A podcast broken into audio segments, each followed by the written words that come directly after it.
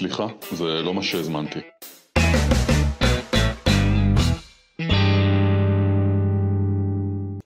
שלום, אנחנו בעוד פרק בפודקאסט, סליחה, זה לא מה שהזמנתי, אנחנו עם טל בשן, טל הוא מייסד בית ספר למנהיגות תודעתית ומפתח שיטת אימפקט, ותכף נראה על מה הפרק היום. היום קראנו לפרק אה, משחקי שליטה. פעם שהפרק הקודם היה על כאב, עכשיו משחקי שליטה. אנחנו מתקדמים. לגמרי. במדרון חלקלק לעבר חוסר, לפרינץ' של הפודקאסטים, לעבר חוסר לגיטימיות. אז מה? אז מה בענייני יחסי שליטה? אה, אני חושב שארבעה נושאים מרכזיים שאנשים מגיעים בדרך כלל לעבוד עליהם, אה, מן הסתם בריאות, שזה משהו שהבית ספר פחות מתעסק איתו באופן ישיר, אבל כמובן שבריאות מושפעת מסטרס. אנחנו מתעסקים ב-well-being, בבריאות הנפשית, זה גם חלק מ... נכון, לא מומחים בבריאות, נגיד ככה. חלק השני זה פרנסה, בוודאי פרנסה וקריירה ומימוש בוודאי קשורים אה, בפנימיות האדם ובהורדה של חסמים וחיבור לתשוקות ורצונות והתמודדות עם פחדים. ושתי זירות אה, עיקריות של מערכות יחסים, אה, זוגיות והורות. אני חושב שהיום אני רוצה להתייחס, להציג איזשהו רעיון, בעיניי טיפה מורכב להסבר, בלי לוח וציורים, אבל אנחנו ננסה, ובעצם לצייר סרגל מסוים, שניתן למצוא כל מערכת יחסים בתוך הסרגל הזה, לאפיין אותה ולעבוד עם הסרגל הזה על מערכת היחסים, להבין אותה וגם לשנות אותה. אז בעצם מארבעת העולמות אתה מדבר כרגע על עולם הזוגיות. אני אדבר על זוגיות, או נדבר על זוגיות, אני חושב שזה גם רלוונטי להורות, אבל נראה לי שנפתח שתי חזיתות, זה יהיה too much, גם ככה אנחנו לא בטוחים שנדע ללעוס את הסטייק הזה עד הסוף. בכלל, כל פעם שאנחנו מתחילים פרק כזה, פודקאסט כזה, ומנסים להכניס נושא בעל ממדים רבים למימד רדיופוני כזה, אה, בסדר גודל של חצי שעה, אני תמיד מוצא בזה אתגר, ו- ותמיד מקננים בי ספקות, אם זה נכון, לא נכון, כאילו יש איזו הסתייגות מקורית שלי כל פעם שמתחילים uh, ללמד את הדברים האלה. כמה זה יכול להתפתח, כמה אנשים יכולים להבין את זה. אני מתנחם קצת בעובדה שאנשים מספרים שהם מקשיבים לפודקאסטים כמה פעמים, ואפילו עוצרים ורושמים שזה משהו שלא ממש העליתי על דעתי שיקרה, וזה משמח אותי, זה גם מרגיע אותי, ש... שאנשים לוקחים את הזמן ומפלחים את המילים ואת ההבנות, אז גם היום זה יום כזה. תישאר עם המתח הזה, אבל זה אוקיי. טוב, זה משאיר אותנו בזירה טובה. אז אפרופו מתח, אפרופו מתח. אה, קודם כל, את הרעיון הזה שתלה במוחי אה, אישה מאוד יקרה, מורה, מטפלת, משכמה ומעלה, בשם דליה ערן, לפני הרבה הרבה מאוד שנים, אולי אפילו עשרים, ואני לא חושב שהבנתי את הרעיון הזה לאורך הרבה זמן. ובשנים האחרונות מבין אותו קצת יותר, אז קודם כל תודה לדליה, אם את שומעת אי שם, ודיברנו הרבה שנים. והרעיון הזה בא ואומר שכל מערכת יחסים באשר היא מתאפיינת בציר עם שני הפכים. בצד אחד של כל מערכת יחסים יש את הרצון העמוק שלנו בקשר. ובצד השני של כל מערכת יחסים יש את הצורך העמוק שלנו בשליטה. אז נדמיין לנו ציר? כן, צד ימין, רצון בקשר, וכבר דיברנו בעבר על כך שרצון הוא דבר חופשי, הוא קשור לאהבה, ובצד שני יש את הצורך לשליטה, והיה לנו פרק שלם שדיבר על כך שצורך מסמל פחדים. אז לכל אחד מאיתנו, כל אחד מאיתנו נמצא בקשר, אה, כי יש בו מימד עמוק שמעוניין בחיבור, ברגש, במגע, באהבה, בביחד, בהתמזגות. יש איזה חלום פנימי שלנו להתאחד עם בן הזוג שלנו, להרגיש אחד, להרגיש אחדות. יש בזה גם ממדים גשמיים מאוד. יש בזה גם ממדים רגשיים, וגם אפילו ממדים רוחניים. הזיווג הזה, החיבור בין בני זוג, יש כאלה שאומרים שהוא ביטוי ארצי לזיווג גבוה יותר, לחיבור לבורא, לחיבור של נשמה. תכנים שאנחנו פחות מתעסקים איתם פה בפודקאסטים, אבל מי שנוח לו יכול לעשות את החיבור הזה, ואנחנו כולנו כמהים לחיבור הזה, להרמוניה הזו ולאהבה הזו. אתה מתאר לי משהו עכשיו ממש רומנטי, נכון. מושלם. אז מה הבעיה? אם כולנו, אם זו, זו נושאת הלב של כולנו, מה הבעיה? נכון, כל, כל הסרטים, כל הסיפורים, כל החתונות, כל החופות, נכון, זה הכל אה, האידאה הזאת, שאיתה אנחנו מתחילים, אנחנו רוצים להתאחד, להרגיש את הדבר הזה. איפה הבעיה? קודם כל, קודם כל יש בעיה, אנשים מתגרשים, לש... וחלקם מתגרשים בצורה נוראית, וזה גם מתדפק לא פעם על דלתות הבית ספר או על הדלתות, על הדלתות של הקליניקה. אלה שלא מתגרשים, רבים מהם חיים בייסורים בתוך זוגיות, מחזיקים מעמד, כי לא נעים, כי לא מקובל, כי מפחדים לצאת. עכשיו, איפה הבעיה? הבעיה היא שכדי להיות בתוך קשר עמוק, נדרשת התמסרות. וכדי uh, להיות בהתמסרות, נדרשת פתיחות, ופתיחות והתמסרות דורשים סוג של אובדן שליטה. אנחנו נחזור על זה, כי זה מורכב. אוקיי. כשאני רוצה להתמסר, לקבל אהבה במיטה, או להיפתח רגשית, אז פתיחה רגשית או התמסרות במיטה דורשים שאני ארפה, שאני אשים את עצמי בידיים של מישהו אחר, שאני אסיר הגנות, שאני אתמסר, שאני אאבד שליטה.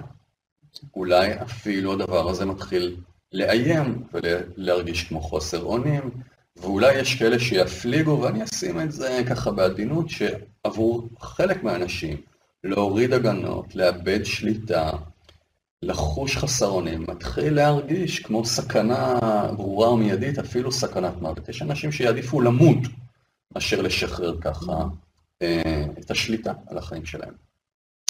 אה, אפילו אפשר לבוא ולהגיד שכאילו כדי להיות מסוגל להיפתח לחלוטין, כדי לתת לחלוטין וכדי לקבל לחלוטין, בן אדם צריך לוותר לחלוטין על ההגנות שלו. להיות לחלוטין בפגיעות, להיות לחלוטין בהתמסרות. להיות אני חשוף לגמרי? בשביל לקבל ולתת לחלוטין, יש מצב שזה מה שנדרש. ולכן יש אנשים שאילו היה מטבע שבצד אחד הייתה בו אהבה, בצד השני שלו יש חוויה של עינות, של ללכת לאיבוד לחלוטין. ויש כאלה באופן לא מודע של ללכת לאיבוד לחלוטין, זה ממש חוויה של, של מיתה.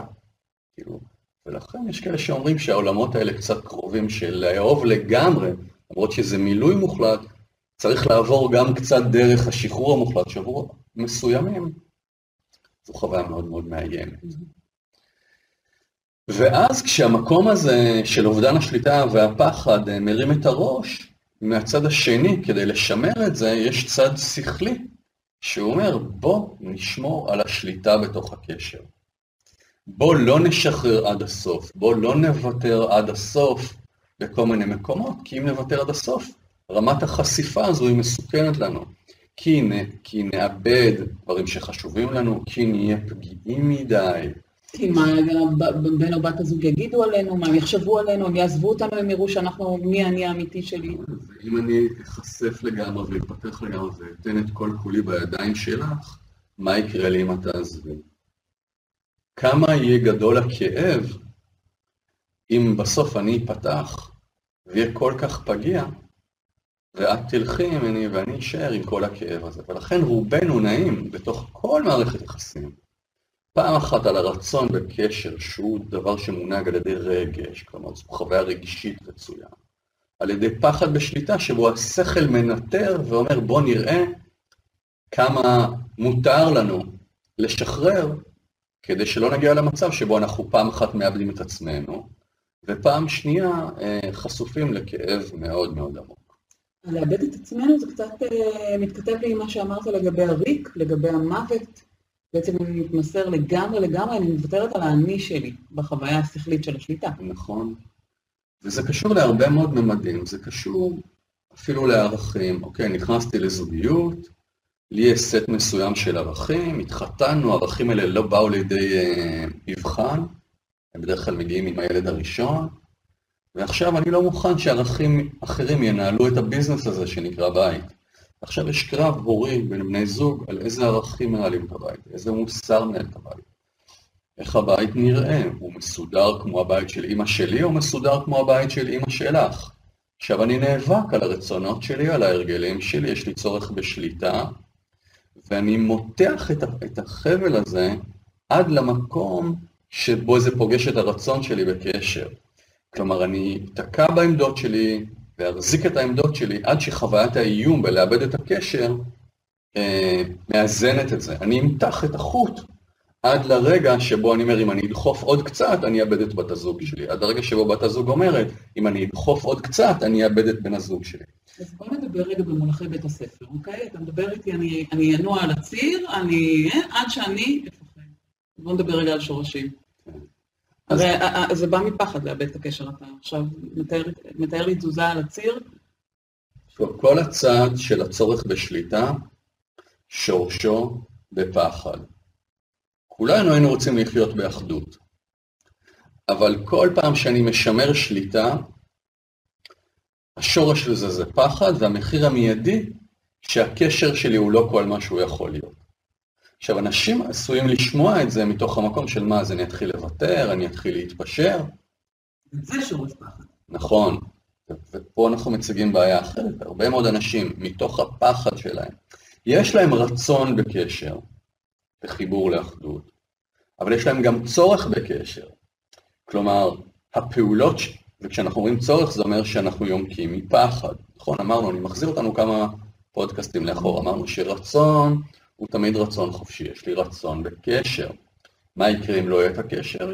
באסה, לא קרה שום דבר. רצון חופשי, השורש שלו הוא אהבה, ואין בו פחד. מצד שני, מישהו שיש לו צורך בקשר, הפך להיות תלוי בקשר, והסיבה שהוא משמר את הקשר, זה כי הוא אומר, אוי אוי אוי, אם לא יהיה לי קשר, יהיה איום ונורא, ולכן השורש הוא שורש של פחד.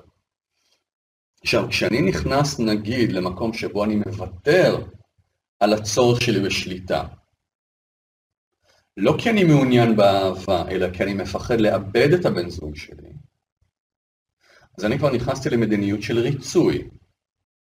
כלומר, הסיבה שאני זז מהצורך בשליטה אל עבר בן הזוג שלי לא מבטא את האהבה שלי, אלא מבטא את הפחד שלי לאבד את בן הזוג שלי. ואז אני הולך ומרצה אותו. השורש הוא פחד, אני עושה את זה, כמו כל תודעה ריאקטיבית, שהתכלית שלה היא למנוע עתיד לא רצוי. אני מרצה כי אני מעוניין למנוע עתיד שבו בן או בת הזוג שלי יעזבו אותי. גם פה, אגב, לימור, פועל החוק הקבוע שהטרגדיה של התודעה הריאקטיבית, שהיא תמיד בוראת את הדבר ממנו היא מנסה, אותו היא מנסה למנוע. כלומר, אם גבר מנסה, או אישה, עסוקה בלרצות את בן הזוג שלה כדי לשמר קשר מהשורש הלא נכון, מתוך פחד לאבד אותו, אז היא אולי מרצה את הגבר שלה, אבל הוא עכשיו מנהל מערכת יחסים עם דמות פיקטיבית, הוא לא אוהב אותה, הוא אוהב את החלק המרצה שבה, וקורים פה שני דברים, פעם אחת האישה או הגבר, נגיד ניקח אישה במקרה הזה כדי שלא נדלג בין המגדרים פה, אם האישה מרצה את הגבר, זה אומר שהיא מיידית נוטשת את עצמה, היא כבר לא נאמנה לעצמה, לרצונות שלה. צוברת תסכולים וכל מה שנובע. היא הולכת לאיבוד, והגבר מנהל קשר עם מסכה. וסופה של המסכה גם לקרוס, כי בסוף הגבר הזה יגיד, את לא עומדת על שלך, את מרצה, אין לי קונטרה, והטרגדיה של התודעה הריאקטיבית שוב תממש את עצמה אה, במציאות. כלומר, יש פה משחק מאוד מאוד מעניין. פעם אחת רצון בקשר שהוא חופשי, פעם אחת צורך בקשר שהשורש שלו הוא פחד. ואנחנו בכלל רגע מבקשים מהמאזינים לשים רגע לב על המשחק הזה שיש לנו בפנימיות. כמה אני רוצה את הקשר, וכמה הצורך שלי בשליטה מעכב את הדבר שאותו אני רוצה אז רוצה, אהבה, לממש. צריך, פחד. נכון, אבל בוא ניתן דוגמה. טוב? כן. אה, בוא ניתן משהו שאני נתקל בו הרבה מאוד פעמים אה, בעבודה, ואנחנו פוגשים אה, בן זוג ואנחנו מתאהבים בו, ובהתחלה האוקסיטוצין עושה שמח ואנחנו בכלל לא שמים לב, אבל אנחנו, אנחנו בוחרים מישהו, כי יש לו סט מאוד גדול של מאפיינים שאנחנו שמחים בהם. יש לי דוגמה עכשיו, איזה קצין בחיל האוויר, טייס קרב כזה בדימוס, היה extremist כזה, כדורגל עם החברים, בנג'י מגשרים, אה, טיולים אה, בערים, משהו מאוד מאוד אה, דינמי כזה ומאוד בחוץ, וכל הדבר הזה עם כל החיות והאומץ והאנרגי הזה, הגיע לתוך הזוגיות, וזה הגבר שהאישה הזו בחרה. כן, משהו מאוד מאוד אנרגטי, מאוד, שניזון מהרבה מאוד מקורות של תנועה. טבע וחברים וספורט וקצת אקסטרים וקצת על הקצה, הדבר הזה נכנס והחיה מאוד את הקשר. ועכשיו מתחילה הזוגיות וכל מיני רעיונות פנימיים של בת הזוג במקרה הזה לאיך בן זוג צריך להיות, ומה זה הורות, ומה זה אחריות, מתחילים להיכנס לתוך הקשר, והיא מתחילה להגיד לו, תראה, כשהיית לבד, יכולת לקפוץ באנג'י מגשרים, וזה בסדר, אבל עכשיו אתה לא יכול להרשות לעצמך, יש לך פה אחריות, אתה לא יכול לחשוב רק על עצמך. היא גוזמת לו ענף. ועכשיו היא אומרת לו, תשמע, מה זה אתה רוצה לנסוע לסקי עם החברים כמו שנסעת פעם בשנה מקודם? אתה כבר לא רווק, מה, אתה מעדיף אותם עליי? מה זאת אומרת? אז כבר לא נעים לו, כי הוא כבר לא כל כך רוצה לאבד אותה. והוא מרגיש, היא אומרת לו, תשמע, אם אתה מעדיף אותם עליי, אז, אז אולי עדיף שלא נהיה ביחד, ואם אתה מעדיף לסכן את עצמך בבנג'י ולא לחשוב על הילד שלנו, אז מה זה אומר עליך כאבא? אולי אתה לא האבא המתאים. והוא יש לו רצון בקשר. אבל הפחד מתחיל לו, תעזוב אותי, כן? מספיק טוב בשבילה, כן? ולא הגבר שהיא... ומהצד שלה יש צורך בשליטה, היא רוצה שהדברים ייכנסו לפאטרן שלה. וככה זה ממשיך, היא אומרת לו, מה שבת? כדורגל, כשהיית רווק, אתה יכול יותר, אבל כדורגל צריך שתהיה משפחה בשבת. וככה טיפין טיפין, זה לא קורה ברגע. חולפות חמש ועשר שנים, והוא אומר, אני מוותר, אני מוותר, אני מוותר בשביל הזוגיות. אבל בוויתור, כדי שהזוגיות הזו תתקיים, כלומר הרצון בקשר, מתוך הפחד לאבד שליטה, הוא מייצר פעולה של ריצוי, פעולה של ויתור על עצמו, עד שהוא מגיע לנקודה שהוא כבר חש עצמו מאוד מאוד ריק, מאוד עצוב, מאוד מדוכא, מאוד מרצה, והוא לא מבין מה הוא עושה בקשר, ומצד שני הוא עדיין מפחד לאבד אותה. ומצד שלישי היא עומדת שם, והיא אומרת, אני לא יודעת מה קרה לו. זה ממש לא הגבר שאני התחתנתי איתו, הוא נהיה סמרטוט, הוא נהיה כבוי. ואני אומר, ותסלחי לי פה רגע למגדירות, מה את רוצה? בטח שהוא נהיה סמרטוט וכבוי. אם את גוזמת את הענפים ואת השורשים מהם הוא ינק. לפני שפגשת אותו, את הכדורגל ואת הסקי ואת הבנג'י ואת כל העניינים, אל תתפלאי שהעץ הזה נבל וכבר אין לו פרחים ושורשים בעצם. וכמובן vice versa, זאת אומרת, אותו דבר גם שגברים יש לה איזה אג'נדה, fixed agenda כזו, איך אישה צריכה להיראות, ומה התפקוד שלה כבת זוג, רק אומר, אני לא יודע, זה לא האישה שהתחתנתי, בטח זה לא האישה שהתחתנת איתה. אם אתה גוזם אותה כל החיים, אל תתפלא שזה נבל אחרי כל כך הרבה שנים. חמש, עשר שנים זה אפשר להשמיד מערכת יחסים לאט, לאט, לאט, כאשר כל אחד מייצר ריצוי מתוך הפחד, מתוך הצורך שלו בקשר, הרצון שלו בקשר, והפחד לאבד שליטה. בסוף מאבדים שליטה, ובסוף מאבדים את הקשר. זה מחזיר אותנו לטרגדיה של התודעה הריאקטיבית לגמרי. כן, מה שיפה במודל הזה שתמיד חוזרים לשורשים, מה שיונק מפחד הולך ומקדם את הפחד ממנו הוא ינק, מה שיונק מאהבה הולך ומממש את האהבה ממנו ינק, תכליתה של התודעה הריאקטיבית זה למנוע עתיד לא רצוי, רגשי לא רצוי, והטרגדיה של התודעה הריאקטיבית זה שהיא תמיד בוראת את העתיד ממנו היא מנסה אה, להימנע. ואז גרוע יותר. כן. וקצת יותר גרוע. כן. קודם כל זו הייתה דוגמה מצוינת מבחינתי, כי זה באמת... מדכאת, דוגמה מדכאת. אבל עדיין מצוינת, כי מדהים איך שזה... הציר של שניהם אה, פוגש אחד את השני, וכל אחד אה, נמצא בדיוק בצד השני. כן. אה, אבל מה עושים? אתה יודע, יש הרבה אמירות כאלה גם ביהדות וזה, צריך ללמוד לוותר, בזוגיות צריך לוותר, צריך שניים לטנגו. אנחנו לא מדברים פה על ויתור ולא על ריצוי, כן. אנחנו מדברים על דברים אחרים, על לנוע מתוך מקום של אהבה. קודם כל בואו נכחיד את הרעיון הזה, או, או נעלה את המודעות. אני מציע לכל אחד רגע לשים לב, לצייר לעצמו את המימד הזה של הרצון שלי בקשר ובאחדות ובחיבור אלוהים בין בת הזוג שלי. לבין הצורך שלי בשליטה. וקודם כל הייתי ממקם את עצמי. איפה אני נמצא?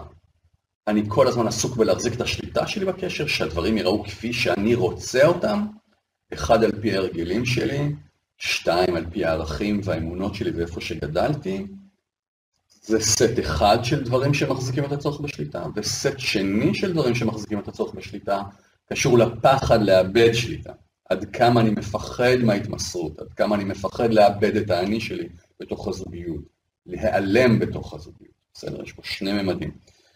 והייתי ממקם את עצמי אה, ולראות האם אני יותר קרוב לצד של השליטה, אני יותר קרוב לצד של הרצון בקשר ולהתמסרות.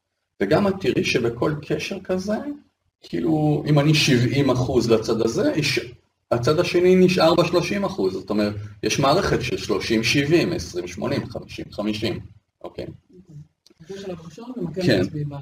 ודבר שני, אנחנו רוצים לראות שאם אני כבר עושה תנועה למקום של הרצון בקשר, למקום של לשחרר את הצורך שלי בשליטה, את העקרונות שלי, לראות שאני עושה את זה לא כפעולה של ריצוי ששורשה פחד, שכל תכליתו למנוע עתיד מסוים, אלא שאני עושה את זה מתוך השאיפה לאהוב יותר, מתוך השאיפה להתמסר יותר, מתוך השאיפה לאחדות, וכמובן שככל שאני אעשה את זה יותר, כמו שדיברנו על כך שתיקון הינו תמיד פעולה הפוכה להרגל, אז ככל שאני אתחיל לוותר על הרגלי השליטה שלי, על הרגלי האגו שלי לא לנוע, לא להשתנות, השאיפה של האגו לא לזוז, להישאר מי שהוא, הרי ככל שאני אעשה פעולה שהיא הפוכה להרגל ברמת הפעולה, כלומר, אני אוותר על דברים, אני אשחרר את השליטה שלי, כמובן שיתחילו לצוף פחדים. תמיד פחדים. למשל, בדוגמה הזאת שנתנו מקודם, של אותו של טייס. הוא אומר, אם אני אחזיר עכשיו את השורשים מהם ינקתי, של הבנג'י והכדורגל והפעם בחו"ל, אשתי בוודאות תעזוב אותי. כאילו זה היה על השולחן. אבל הסיבה שהוא הגיע זה כי אשתו כבר עוד מעט עוזבת אותו. כי היא אומרת, אני לא יודעת, זה לא גבר שהתחתן איתו, סיפור אמיתי, כאילו כמובן בשינוי אה, שמות ו- וזירות. ואם הוא ימשיך ככה, אנחנו יודעים, כי גם החוקים אומרים ככה, בסוף התודעה הריאקטיבית תממש את עצמה. אז עכשיו השאיפה שלי לחזור לאותנטיות, תמיד תהיה מלווה בפחד שהאסון אכן יתרחש. וצריך להחזיר את האנשים לפרק של עבודה עם הפחדים, שאני לא זוכר איזה פרק זה היה, עם הרגשות. גם הרגשות, עם אמבטיה. מתחבר גם לרגשות, זה מתחבר גם לרצון הפנימי והאמיתי שלי, זאת אומרת, האם להיות אני עצמי ולפעול מה... אה, איך שאני רוצה, זה, זה פשוט מתחבר לכל הפרטים. Okay. אוקיי. אז כמובן, שאם עכשיו אותו גבר מתחיל מהלך של נאמנות חזרה לעצמו, ואומר, זה הגבר שאני רוצה להיות בזוגיות, ואלה השורשים שאני רוצה להיות מחובר אליהם שיזינו אותי. מיד יצוף הפחד שמא אני אאבד את אשתי. ועם הפחד הזה הוא צריך להתמודד ולהגיד, האם אני מוכן לקחת כסיכון את העובדה שאני האותנטי אאבד את אשתי. עכשיו, הרי מה החלופה? צריך פה גם רגע להביא איזה שכל רציונלי. כרגע אתה מרוויח את אשתך, אבל אתה מאבד אותך והזוגיות נראית חרבנה. ואנחנו אה, בסוגריים, הוא לא מרוויח את אשתו, כי בסופו של יום היא תעזוב אותו כי הוא הופך להיות סמרטוט. נכון, אבל אנחנו דוחים את הקץ המפחיד ביותר. אנחנו מעדיפים כל הזמן בזוגיות, אנחנו מכירים את זה היטב על עצמנו, לשלם כל הזמן מחירים קטנים, כדי לא לשלם אולי מחיר גדול אחד. אבל בסוף המחירים הגדולים האלה מצטברים לנו, ומכרסמים לנו בנשמה, כמו כדור שלג, ובגוף, ובסוף אתה כבר לא יכול ואתה בא לך להקיא את זה, ואז אנחנו רק לא מצליחים לראות את זה. את יודעת, אם הייתי סוכם את סך כל המחירים שאתה משלם ב-20 שנות זוגיות, ועושה מהם ערימה, הערימה הרבה יותר גדולה בסופו של דבר מהערימה של הפחד הקונקרטי שממנו אני מנסה להימנע. בגלל זה המערכות נשברות בסופו של דבר. נשברות בשנאה מאוד גדולה הרבה מאוד פעמים, וגירושים נראים זוועה.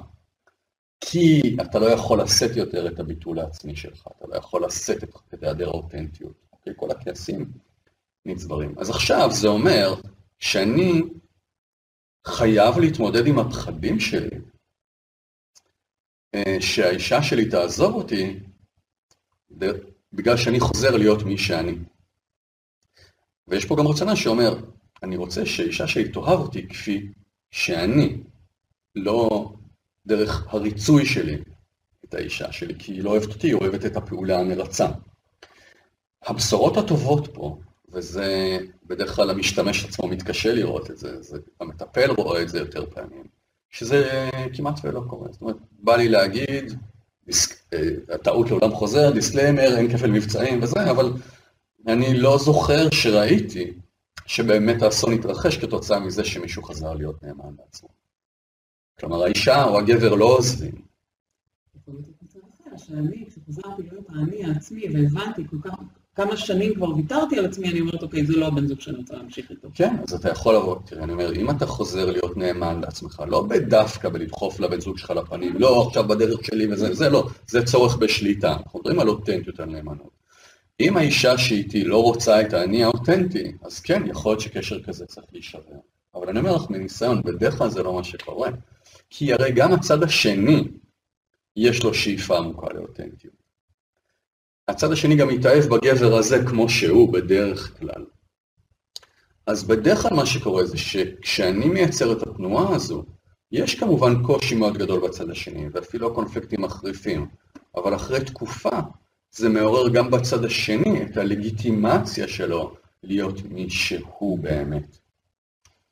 ולכן זוגיות אה, אוטופית, אידאית, היא באמת כזו שכל בן זוג דוחף את הפרטנר שלו, מאיץ בו להיות כל מי שהוא אמור להיות, להיות כמה שיותר אותנטי, ולא להגיד לו בוא תוותר על חלקים בפנימיות שלך כדי שתוכל להיות איתי. ואני חושב שהשיחה הזו היא אפילו קצת יותר מורכבת מאיך ששמנו אותה, כי עכשיו דיברנו על ריצוי, ואנחנו בעצם התחלנו מלדבר על התמסרות, איך שהתמסרות מעוררת פחדים. ואז הרעיון הזה עובד בכמה ממדים. פעם אחת, לראות שהתמסרות כשלעצמה היא מאיימת כי היא נחווית כאובדן שליטה אפילו עד למוות. כאילו, פעם ניהלנו פה ויכוח על הדבר הזה, יש כאלה שהסכימו, אני איכשהו מרגיש את הדבר הזה, שיש אנשים שבשבילם התמסרות מוחלטת, נחווית כמו מוות. נכון שכשעוברים את הפינה הזאת, זו חוויה מדהימה, אבל הרבה אנשים לא מוכנים לעבור את הפינה הזאת. אומרים, לא, אני לא אוותר על ההגנות שלי. כי, כי זה נורא ואיום. אבל זה, זה כמו אה, מערבולת בים, אתה צריך לשחרר כדי לצאת בחיים מהצד השני. הרבה אנשים לא, לא מוכנים, מוכנים לרדת קצת, מוכנים לשחרר קצת, אבל אז גם נכנס קצת אור. אז זה צד אחד, לשים לב האם אני מעוניין להתחיל עכשיו בתהליך זוגי, שבו יש לי שאיפה עמוקה לקשר, רצון עמוק לקשר, ואני בוחר להתמודד עם הפחדים שלי, עם הצורך שלי בשליטה, כדי לחוות את האור שיש בצד השני, ולעשות תהליך מושכל כזה. אפשר לפתוח את זה גם לדיאלוג עם הבן זוג, ולראות איפה הוא עומד, כמה הוא באמת, כמה הוא באמת הוא בתוך הקשר הזה. והחלק השני שהתפתח פה אה, היום בתוך השיחה הזאת, קשור לפעולה הזאת של ריצוי, שיונקת מפחד, שבסוף מממשת את הקטסטרופה ואת הטרגדיה שלה. ואת זה להתחיל למגר, להתחיל לייצר אותנטיות יותר גדולה בתוך הקשר, ולהתמודד עם הפחדים העמוקים שבאים יחד עם הדבר הזה. ואת זה אפשר לעשות או לבד, כי אמרנו בעבר שלא תמיד צריך שניים לטעמו. אבל אם במקרה יש שני בני זוג ששומעים את הפודקאסט הזה, או נחשפים לחומרים כאלה, אז גם יכול להיות תהליך עדין, שבו כל אחד שם איפה הוא נמצא על הסרגל של צורך בקשר, הרצון בקשר וצורך בשליטה, ומה היה עוזר לו להיות יותר בקשר ופחות בתהליך של השליטה, ולעשות baby steps לתוך הדבר הזה. אני חושב שזה עולם מאוד מאוד מאוד רחב, אבל הסרגל הזה, אפשר לבדוק אותו בכל מערכת יחסים. מדהים. אני בעיני רוחי מדמיינת אה, שני בני זוג, כל אחד נוסע ברכב שלו, מקשיב לפרק הזה בפודקאסט, נפגשים בערב בבית, מתחילים לדון על זה, מאהבה, לא מפחד, כן, לא... לא זה מזוודות, כן, וכל אחד לא. שם בבגאז'. לגמרי מאהבה. אה, תודה רבה, עבורי זה היה מרתק. אה, אני רוצה לספר למאזינים שבעצם רוצים להעמיק אה, בנושא הזה ולעשות עבודה פנימית. אפשר להצטרף לסדנאות שלנו פה בבת חפר, אני אישית עברתי את הסדנה יחד עם בן זוגי, ואני חושבת שאנחנו המון מדברים על הסרגל הזה ועל התנועה שלנו בו, ואתם מוזמנים, תודה רבה, זה היה מאוד מרתק. תודה לימור, זה היה בפרק הבא. להתראות.